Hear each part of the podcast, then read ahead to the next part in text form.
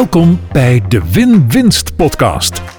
De inspiratiepodcast voor boekhouders en andere financials die willen bijdragen aan financieel gezonde en winstgevende bedrijven. En voor de ondernemers die dat winstgevende bedrijf willen bouwen.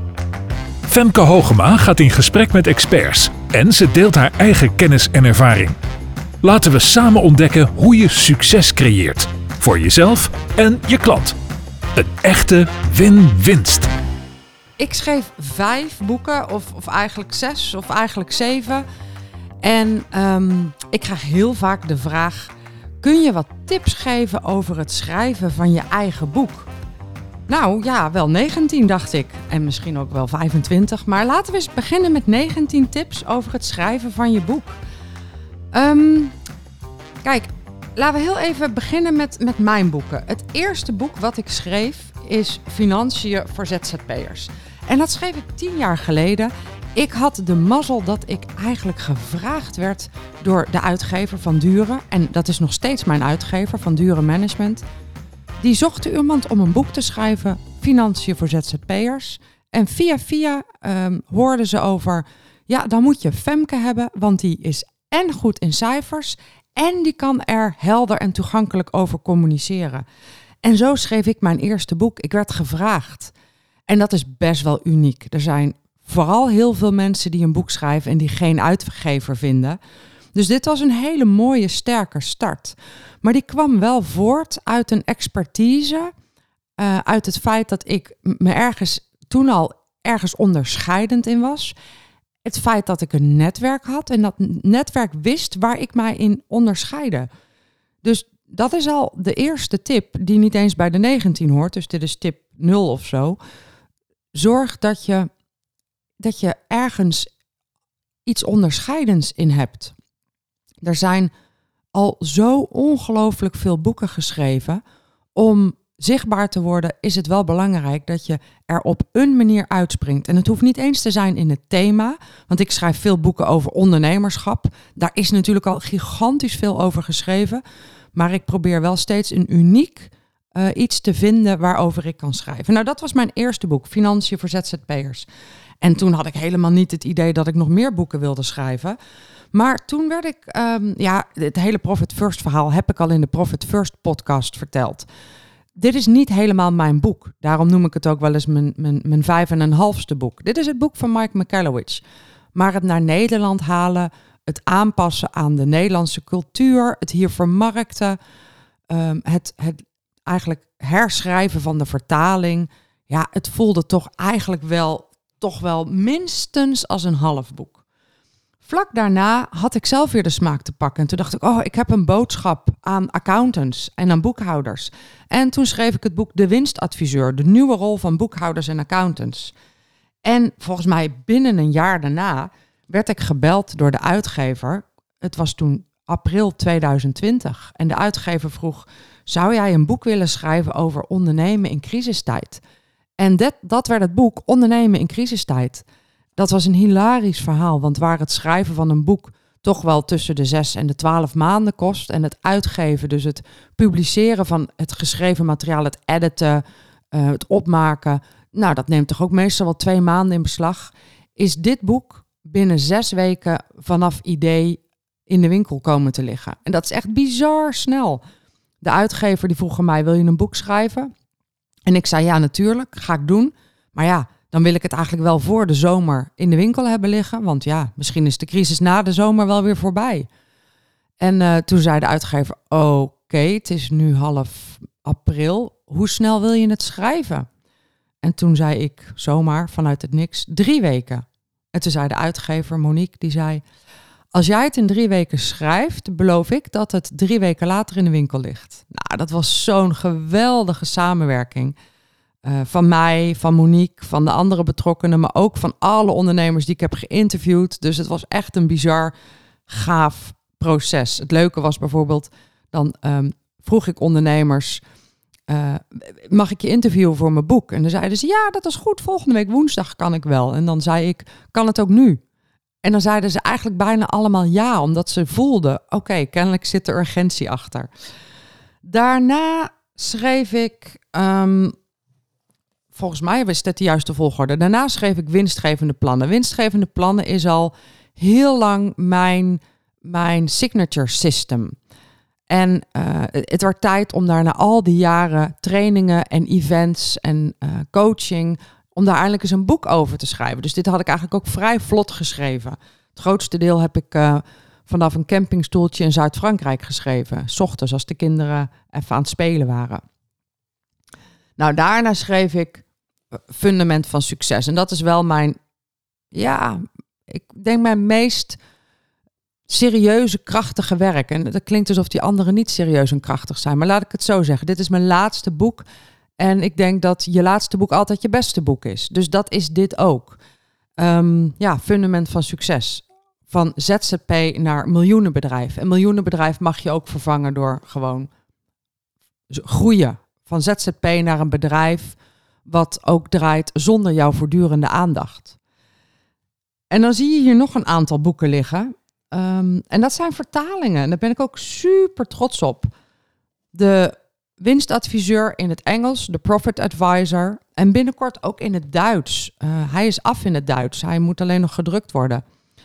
Uh, sorry, dat is ja, de winstadviseur. Winstgevende plannen in het Engels, Profitable Plans. En in het Duits, der Finanzplan zum Erfolg. Super cool dat mijn boeken ook internationaal zijn uitgebracht. Right. Nou, dat was dus even over um, mijn boeken. Om even aan te geven waarom ik wel zeker 19 tips heb. Um, tip 1. Bouw aan expertstatus en schrijf een boek. De eerste twee tips gaan eigenlijk over waarom zou je een boek willen schrijven. Het is belangrijk om daarover na te denken. Waarom wil je een boek schrijven? En ik denk dat de meest belangrijke reden zou kunnen zijn om aan expertstatus te werken. Want als je een boek hebt geschreven, dan, dan word je op dat moment instantly gezien als expert in die markt. En dat, dat is gewoon heel goed. Dat is goed voor je, voor je klantenbestand. Dat is goed voor de uitnodigingen die je krijgt om te spreken of op de radio te komen of zelfs op de televisie te komen in mijn geval. Um, het, het werkt gewoon. Je hoeft jezelf niet meer, je hoeft niet meer uit te leggen waarom jij goed bent in dat wat je doet. Want je hebt een boek geschreven.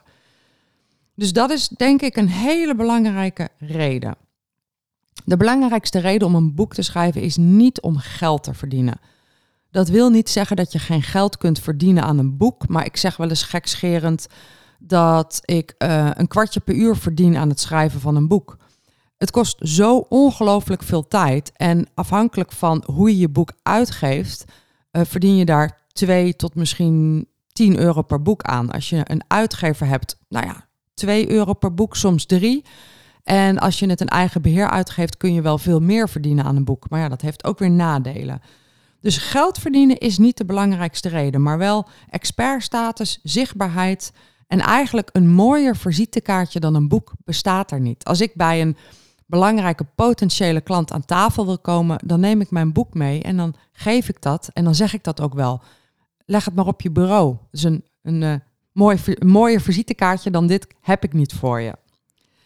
De tweede reden om een boek te schrijven, voor mij althans, is Leave a Legacy. En ik weet niet zo goed hoe je dat in het Nederlands moet vertalen, maar iets, iets nalaten. Ja, dat is het. Een nalatenschap.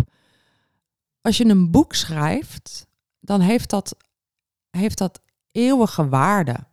Eeuwig, maar in ieder geval, het kan langdurige waarde hebben. Het kan over honderd jaar misschien nog wel gelezen worden. En dat vind ik wel een heel groot goed, dat ik iets heb geschreven wat voort blijft bestaan na mijn leven.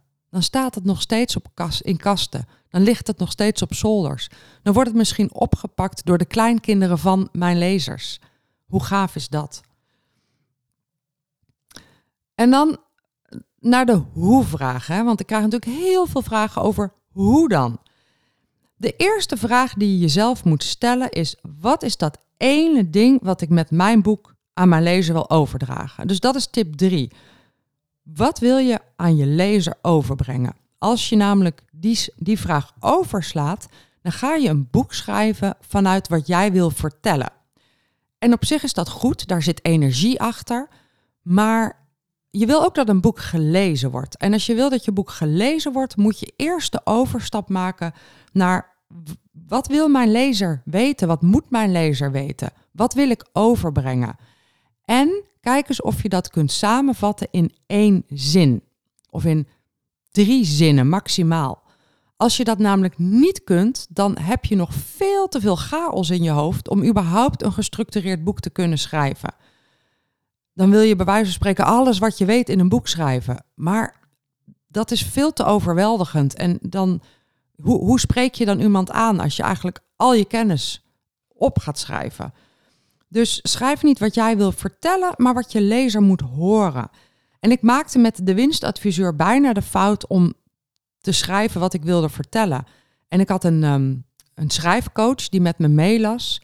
En die zei: Ja, je boek pakt me niet. Volgens mij is de volgorde verkeerd om. Volgens mij moet je beginnen met de laatste hoofdstukken. En de eerste hoofdstukken moeten naar achter. Die zijn minder belangrijk. Ik zei: Ja, maar die vind ik heel belangrijk. Ja, jij vindt het belangrijk om te vertellen. Maar het is niet wat je lezer eerst wil horen. Dus de, de hoofdstukken die ik het belangrijkst vond, staan achter in het boek. De ene, het ene ding wat Profit First zegt is eigenlijk maak potjes of misschien iets breder zorg dat je bedrijf voor jou zorgt en niet jij voor je bedrijf. Het ene ding wat ik met financiën voor ZZP'ers zeg is als ondernemer moet je cijfers serieus nemen, moet je grip op cijfers hebben, anders bouw je je bedrijf in een moeras. Bij Fundament van Succes zeg ik eigenlijk, ik heb zelf dat ene model gemist waarin staat wat een bedrijf eigenlijk is. Dus ik geef je één model wat je helpt om te groeien van ZZP'er naar een bedrijf wat ook draait zonder jou. Dus vraag je af wat die ene boodschap is, zodat je dat ook altijd tegen mensen kunt zeggen. De tip 4. Wie is mijn lezer? Het is heel belangrijk dat je weet voor wie je je boek schrijft. En ik ben ook heel specifiek. Fundament van succes heb ik bijvoorbeeld echt geschreven voor ondernemers die in de fase zitten van ZZP naar MKB. Dus ik heb het niet geschreven voor ZZP'ers die happy ZZP'er zijn en altijd willen blijven. Niet dat ze er niks aan kunnen hebben, maar daar heb ik het niet voor geschreven. Ik heb het ook niet geschreven voor de MKB'er die zijn bedrijf al heel goed heeft neergezet. Niet dat hij er niks aan kan hebben, maar daar heb ik het niet voor geschreven. Dus ik heb het echt geschreven voor die groep die aan het ontwikkelen is van ZZP naar MKB. En dat is heel belangrijk dat je, dat je daar een goed antwoord op hebt, want anders wordt je boek ook heel warrig. Dus je moet steeds dat, dat plaatje voor ogen hebben voor wie ben ik eigenlijk aan het schrijven. Tip 5. Hoe maak ik van mijn lezer klant? Voordat je je boek gaat schrijven, is het goed om na te denken over de vraag: wat volgt er na mijn boek? Dus wat wil ik dat mijn lezer doet nadat hij mijn boek heeft gelezen? De reden dat je daar al voordat je gaat schrijven over na moet denken, is omdat als je dat als als stip op de horizon hebt, kun je daar ook naartoe schrijven. Nou, wat bedoel ik daarmee? Idealiter krijg je van jouw lezers een e-mailadres. Want dan kun je ze later nog een mailtje sturen. Dan kun je ze later misschien tot klant converteren. De manier waarop ik mijn lezers tot, um, ja, tot, tot, tot toevoeg aan mijn lijst, hè, de, de manier waarop ik e-mailadressen verzamel, is dat ik bij mijn boek gratis downloads weggeef. Maar dan moet je wel je e-mailadres voor achterlaten. En daarna kan ik je mailen met mijn opvolgaanbod. Dat betekent dat die gratis download wel echt interessant moet zijn. En dat je dat in het boek moet benoemen en dat dat moet aansluiten bij het boek. Dat kan een gratis training zijn, een template, een samenvatting. Iets wat een lezer echt wil hebben. Dat werkt heel goed. Maar dan moet je wel tijdig bij nadenken, zodat je dat ook, ja, dat, dat je daar ook ruimte voor creëert in je boek. Sommige mensen hebben als opvolging van hun boek een, direct een online training die je dan voor een paar honderd euro kunt kopen. Ja, dat is ideaal, want als mensen dan de volgende stap willen zetten, kopen ze meteen je training. Nou, dat heb ik eigenlijk in de meeste boeken niet. Ehm, wat ik wel heb, is dat ik bij Profit First, maar ook bij Fundament van Succes, steeds verwijs naar mijn Profit First Professionals. Ik zeg steeds: heb je nou hulp nodig? Vul dan even dit formuliertje in. Dan ga ik je matchen met een van mijn klanten, een van mijn Profit First Professionals. Daarmee creëer ik waarde voor mijn Profit First Professionals en creëer ik dus waarde voor mijn Profit First Professionals programma, want daar komen leads uit. Dus dat, is, dat was tip 5. Hoe maak je van je lezer klant? Hoe zorg je dat er iets gebeurt na je boek? Dan over het schrijven. Tip 6. Start met de titel en de achterflap. Die titel die kan misschien nog veranderen. Dus het is een werktitel. Maar het is wel handig om een titel te hebben, zodat je erover kunt praten. Ik ben een boek aan het schrijven en waarschijnlijk wordt de titel puntje, puntje, puntje. En het tweede wat je wil doen is de achterflap. En de reden waarom die achterflap super belangrijk is, is omdat je gedwongen wordt om in 250 woorden, misschien 300 woorden, eigenlijk op een wervende manier samen te vatten waar je boek over gaat. Wat je lezer eruit kan halen. En dat helpt je om jouw gedachten over je boek op een rijtje te zetten. Dat helpt je om, ja, om, om structuur aan te brengen, om je stip op de horizon neer te zetten. Titel en achterflap. Daarna, dat is tip 7, daarna maak je de inhoudsopgave. En daar heb ik voor mezelf in mijn aantekeningen achter gezet: structuur, structuur, structuur. Die inhoudsopgave is belangrijk. Zeker als je ook een, een, ehm, een uitgever zoekt. Hè. Als je een uitgever zoekt, dan wil die ook die titel, die achterflaptekst, die inhoudsopgave en nog wel wat meer. Um, maar die inhoudsopgave is ook voor jezelf super super belangrijk. Want zonder inhoudsopgave ga je een heel chaotisch boek creëren. Waar je steeds gaat schrijven zonder dat er lijn in het verhaal zit. Zonder dat er opvolging in zit. En ik ken dat soort boeken wel. Ik heb er laatst nog een gelezen. En daar zaten aan zich waardevolle dingen in. Maar ik vroeg me steeds af, maar waar begint dit en waar gaat dit heen? Ik, ik, kan, de, ik, kan, de, ik kan de rode draad niet volgen. Ik weet niet wat nou de conclusie gaat zijn. En in mijn ogen is dat dan dus geen goed boek. Nou, hoe maak ik een inhoudsopgave? Ik doe dat door eerst te gaan brainstormen. En dat doe ik door post-its te pakken en een pen. En ik ga allemaal post-its schrijven met alle onderwerpen die ik in mijn boek wil behandelen. En dat kunnen wel 50 post-its worden. Dus neem daar ook de tijd en de ruimte voor. Vervolgens, en daarom zijn post-its zo super belangrijk, vervolgens ga ik die post-its groeperen. Wat hoort bij elkaar? En dan krijg je groepjes, groepjes van samenhangende onderwerpen.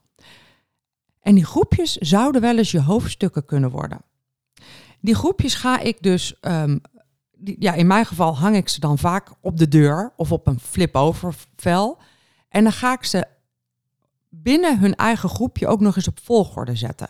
Dus dan krijg je bijvoorbeeld 10 of 15 groepjes en binnen die groepjes staan de onderwerpen op volgorde. En dan heb je de eerste opzet van je inhoudsopgave. En die kan nog veranderen. Daar komen nieuwe onderwerpen bij, daar, daar gaan onderwerpen van af. In theorie kun je dus zelfs, dat heb ik bij de winstadviseur gehad, volledige hoofdstukken van plek veranderen. Maar het hebben van zo'n eerste structuur werkt onwijs goed. En iedere keer als je bedenkt, oh, er moet iets bij of er moet iets af, dan verander je dat op je deur of op je flip-overvel. Nou, als je een uitgever hebt, dan wil die uitgever het liefst de titel, de achterflap, de inhoudsopgave en per paragraaf een alinea tekst. En eigenlijk ook nog de inleiding. Dus deze tip die komt er tussendoor, die heeft geen nummer. Dus dit is tip um, 7, 7a is dit. um, dat is wat een potentiële uitgever van je wil hebben. Dus dat stuur je op, dat mail je naar de uitgever. Titel, achterflap, inhoudsopgave en inleiding en per paragraaf een korte alinea, drie regels tekst. Wat komt er in deze paragraaf? Dit is al een behoorlijke bult werk. Dus hiermee ben je ook al heel erg gecommitteerd aan datgene wat je aan het neerzetten bent. En dat was tip 8. Per hoofdstuk of per paragraaf schrijf je een alinea, schrijf je een aantal regels. Dit lijkt net echt werk. Als je je afvraagt van ja, maar waar blijft nou de, de inspiratie? ja, die komt wel, die inspiratie. Maar tot nu toe is het gewoon nog, het is, het is gewoon een project wat je aan het neerzetten bent. Tip 9 is vervolgens besluit of je een uitgever wil of dat je je boek in eigen beheer wilt uitgeven. En hier valt ongelooflijk veel over te zeggen, dus ik ga hier niet alle, alle antwoorden op geven. Ik heb op één boek na, en dat boek heb ik niet eens vermeld net, ik heb op één boek na al mijn boeken met een uitgever. Ik heb één mini-boekje geschreven, zoals ik dat maar noem. Van administreren naar adviseren. En wil je dit nu hebben als accountant, stuur me dan of als boekhouder of als belastingadviseur, stuur me dan even een DM, dan uh, krijg je het van me. Dit is een soort marketingboekje. Hiermee laat ik zien uh, ja, wat ik te melden heb. Maar dit is natuurlijk veel leuker dan een folder, een heel boekje. En het is wel echt een boekje. Het is 80 pagina's geworden. En uh, ja, het gaat over coachings en adviesvaardigheden voor boekhouders en andere financials. Maar dit kun je niet in de winkel kopen. Um, dus dit, dit, heeft Sonja heeft dit gemaakt. Sonja die heeft ook een uh, grafisch designopleiding gedaan. Dus dat was heel handig. Dus dit is mijn boekje in eigen beheer. Maar voor de rest heb ik alles met een uitgever gedaan. Mijn reden om met een uitgever te werken is enerzijds uh, hoe het overkomt. Ik vind het professioneel overkomen dat ik met een uitgever werk. In alle eerlijkheid, in eigen beheer kan iedereen een boek uitgeven. Dus het feit dat ik een uitgever heb, zegt iets over de kwaliteit van mijn boeken. Want een uitgever geeft niet zomaar alle boeken uit. Dus dat is mijn belangrijkste reden. Een tweede reden is dat ik een zeer professioneel team om me heen heb. Um, wat gewoon weet, ja, weet hoe het werkt, weet wat ik nodig heb, uh, weet wie ik ben. We werken al heel lang samen, al meer dan tien jaar. En je kunt dat team ook op een andere manier creëren. Er zijn gewoon mensen die de redactie voor hun rekening nemen, die de opmaak voor hun rekening kunnen nemen. Er zijn ook bedrijven die dat, die dat voor je uit handen kunnen nemen. Maar ik vind het super fijn dat ik daar niet over na hoef te denken, dat ik dat niet hoef te regelen, dat dat gewoon gebeurt. Als het geschreven is door mij, wordt het geredigeerd, wordt het opgemaakt, wordt het aangemeld bij uh, het, het, het, uh, het boek, uh, hoe heet dat? Boek, Centraal Boekhuis. Ligt het in de winkel, hè? want dat wordt meegenomen in de brochures en de boekhandel. Dus het ligt gewoon in de winkel, in een echte winkel. Het ligt ook bij Bol en bij Managementboek. Ik vind dat heerlijk. In eigen beheer heb je meer eigen invloed en kun je er meer aan verdienen in potentie. Dus dat is sowieso een reden voor eigen beheer. Tip 10. Wacht niet op inspiratie. Ik zei het net al een beetje. Een boek kan zeker een super inspirerend proces zijn. En de reden dat ik zo graag boeken schrijf, is dat ik dan echt in flow ben. Maar het is ook gewoon werken. Dus als je gaat zitten wachten op inspiratie, krijg je nooit een boek. Je moet gewoon tegen jezelf zeggen: Oké, nu ga ik schrijven aan mijn boek. En daarom was tip 7 zo belangrijk, die inhoudsopgave. Op het moment dat jij besloten hebt: Nu ga ik schrijven, een halve dag of een hele dag of twee uur. Dan kun je gewoon een willekeurige paragraaf uit je inhoudsopgave pakken en die ga je schrijven. Ik schrijf mijn boeken gewoon in Word. Er zijn ook mooiere systemen waar je gewoon kunt klikken op de paragraaf die je wilt gaan schrijven. Ik moet wat scrollen. Maar ja, eigenlijk Word werkt voor mij prima. Overigens, als je een automatische inhoudsopgave in Word maakt, kun je daar ook op klikken. Dat werkt ook heel goed. Dat was uh, tip 10, uh, 10a. Dus ga schrijven en daar kom ik bij tip 12 nog even op terug. Want eerst nog even tip 11. Creëer deadlines. Zonder deadlines kon dat boek wel eens heel lang gaan duren. Daarom werkt voor mij ook een uitgever heel goed. Ik spreek met mijn uitgever af wanneer het boek in de winkel moet liggen, wanneer het dan de, opgemaakt moet zijn, wanneer het dan geredigeerd moet zijn en wanneer het dan door mij aangeleverd moet worden. Ik weet dat aan die deadline heel veel dingen vastzitten. Dus als ik uitloop, dan heeft de redacteur een lege agenda en de opmaak een lege agenda. En dat kan eigenlijk niet. Dus het feit dat er mensen hun agenda vrij houden voor mijn boek, betekent dat het echt een harde deadline is. En dat werkt heel goed. Um, niet om jezelf over de kop te jagen. Hè? Dus maak de deadline niet te strak. Dat doe ik soms wel, maar ja, ik, ik, ik, ik kan dat goed. Maar als jij dat niet kan, creëer dan wel wat ruimte, zodat je genoeg tijd hebt. Maar zorg wel voor een deadline. Want als je geen deadline hebt, ja, dan kan het serieus nog wel 10 jaar duren voordat het ligt, of 30 jaar. En tip 12 is, als je dan die deadlines hebt, en de belangrijkste is natuurlijk, wanneer moet het in de winkel liggen? Maak dan een onderliggend plan. En dat plan bestaat uit wanneer ga je schrijven, hoeveel schrijfmomenten ga je hebben, ook waar ga je schrijven en zet het in je agenda. Heel concreet voor mij, ik weet dat een managementboek, een, een, gewoon een stevig managementboek is zo'n 60.000 woorden. Ik heb volgens mij het fundament van succes 80.000, dus die is wel wat dikker geworden. Maar winstgevende plan is bijvoorbeeld volgens mij weer 30 of 40.000. Dus die is een stuk dunner. dus ergens tussen de 30 en de 70, 80.000 woorden is een managementboek. Uh, ik denk dat 60.000 een mooi aantal is, want bij 80.000 wordt hij al gauw te dik. Maar ja, het is mijn boek. Uh, de uitgever vond het ook een goed boek en het moest ook niet dunner. Als je dan weet hoeveel woorden je hebt en je weet hoeveel woorden je ongeveer op een dag of in een uur kunt schrijven, en dan bedoel ik niet typsnelheid, maar dan bedoel ik inclusief nadenken, dan weet je ook hoeveel schrijfmomenten je nodig hebt. En ik wist dat ik, um, ik weet het niet meer zeker, volgens mij 2500 woorden per week wilde schrijven. En volgens mij kan ik 2500 woorden in een dag produceren. Nou, dan kan ik uitrekenen hoeveel schrijfdagen ik nodig heb. En die zet ik gewoon allemaal in mijn agenda. Ja, en dat kost tijd. Dat kost serieus tijd. Vervolgens is het belangrijk om er voor jezelf over na te denken. Wanneer wil jij schrijven? Dit is nog steeds tip 12. Maak een plan. Wil jij s'avonds schrijven? Wil je ochtends schrijven? Wil je s'nachts schrijven? Wil je op kantoor schrijven? Wil je in een kroeg schrijven? Wil je op het strand schrijven? Wil jij één hele week in een hotel gaan zitten en in één week je boek schrijven? Of wil je iedere dag gedurende een half jaar een uur schrijven? Of in mijn geval wil je iedere week één dag schrijven.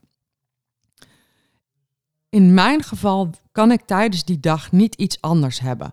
Mijn hele hoofd slaat op hol als ik een schrijfdag heb en om vier uur middags heb ik nog een meeting. Dan kan ik niet in de flow komen van mijn boek. Dus mijn schrijfdagen moeten leeg zijn. Dus dat vraagt best wat van mijn agenda. Maar misschien is het voor jou anders. Misschien kun jij prima van 10 tot 12 schrijven en dan in de middag afspraken hebben. Daar moet je voor jezelf goed over nadenken. Tip 13. Begin sterk en schrijf verhalen. De beste boeken vallen met de deur in huis. De beste boeken beginnen gewoon met een verhaal, zodat je meteen gegrepen wordt en door wil lezen. Slechte boeken, die beginnen eigenlijk met uit te leggen waarom het boek geschreven is en waarom het belangrijk is om het boek te lezen. Dat grijpt niet aan. Dan denk je, ja, ja, ja, ja, ja, wanneer is die inleiding nou voorbij? Dus begin sterk en schrijf verhalen. Hoe meer verhalen, hoe leuker het is om het boek te lezen. Tip 14. Betrek anderen bij je boek. Ik heb voor zowel ondernemen in crisistijd als voor fundament van succes heel veel interviews gedaan. En alle mensen die ik heb geïnterviewd, die, ehm, ja, die vinden het natuurlijk leuk om te vertellen dat ze geïnterviewd zijn. En dat werkt dan weer heel goed voor de marketing. Maar het doet nog iets anders. Ehm, je, je, je beweert niet dat jij de wijsheid in pacht hebt. Je betrekt anderen bij jouw boek om ook aan te geven, ja, ik, ik weet niet alles. Dus ik heb ook anderen nodig om, uh, om hier een goed verhaal van te maken. Tip 15. Start de marketing tijdens of zelfs voor het schrijven. Want het marketen van een boek gaat niet vanzelf. Het is niet zo dat als je eenmaal een boek hebt geschreven, dat het dan meteen een bestseller wordt. Sommige boeken wel, maar 99% van de boeken niet. En als je de marketing al start tijdens het schrijven, dus al voortdurend zichtbaar bent tijdens het schrijven, ja, dan is je boek al steeds zichtbaar. Dus laat mensen meedenken over de kaft, over de titel. Vraag welk onderwerp zij echt niet willen missen in jouw boek. Uh, leg stukjes tekst desnoods voor aan, aan, aan meelezers. Dus zorg dat je al, al in een vroeg stadium zichtbaarheid hebt. Tip 16. Realiseer je dat het echte werk pas begint als het schrijven af is. En dat is een beetje een gemene tip Maar ik, ik formuleer hem expres zo. Mensen denken vaak, oh, nou heb ik een boek geschreven, nou is het klaar en nou ben ik eindelijk klaar. En dan is alle energie weg, want alle energie ging zitten in het schrijven van het boek. Maar daarna moet er nog zoveel gebeuren. Alleen al de redactiefase en de opmaakfase vraagt echt nog veel energie, geloof me. Maar vervolgens moet je het gaan verkopen, gaan marketen. Moet je gaan nadenken over je marketingcampagne, misschien over je boekfeest of je boekpresentatie. En dat is echt veel werk, dus je moet daar energie voor overhouden. Dus als je realiseert dat je, nou laat ik het dan iets anders formuleren, dat als je het boek geschreven hebt, dat je dan op de helft bent, dan, dan weet je in ieder geval dat je nog energie moet overhouden voor de rest. Tip 17. Verkoop je boek al voordat het geschreven is. Dat heb ik bij Fundament van Succes gedaan en dat was zo ongelooflijk leuk. Ik gokte wat de prijs ging zijn. Uiteindelijk werd die duurder. Dus al die mensen die het meteen kochten hadden ook nog een financieel voordeel. En ik maakte gewoon een betaallinkje en ik ging het gewoon verkopen.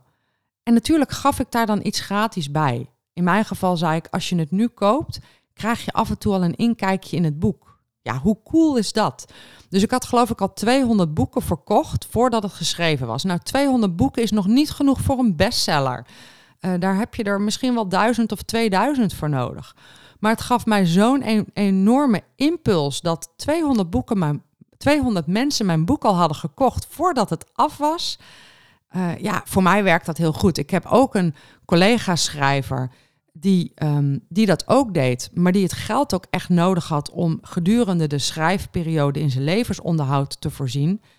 Ja, en toen kwam het boek er niet. En dat heeft hem maandenlang, misschien wel jarenlang, een schuldgevoel opgeleverd. Ik heb het boek verkocht.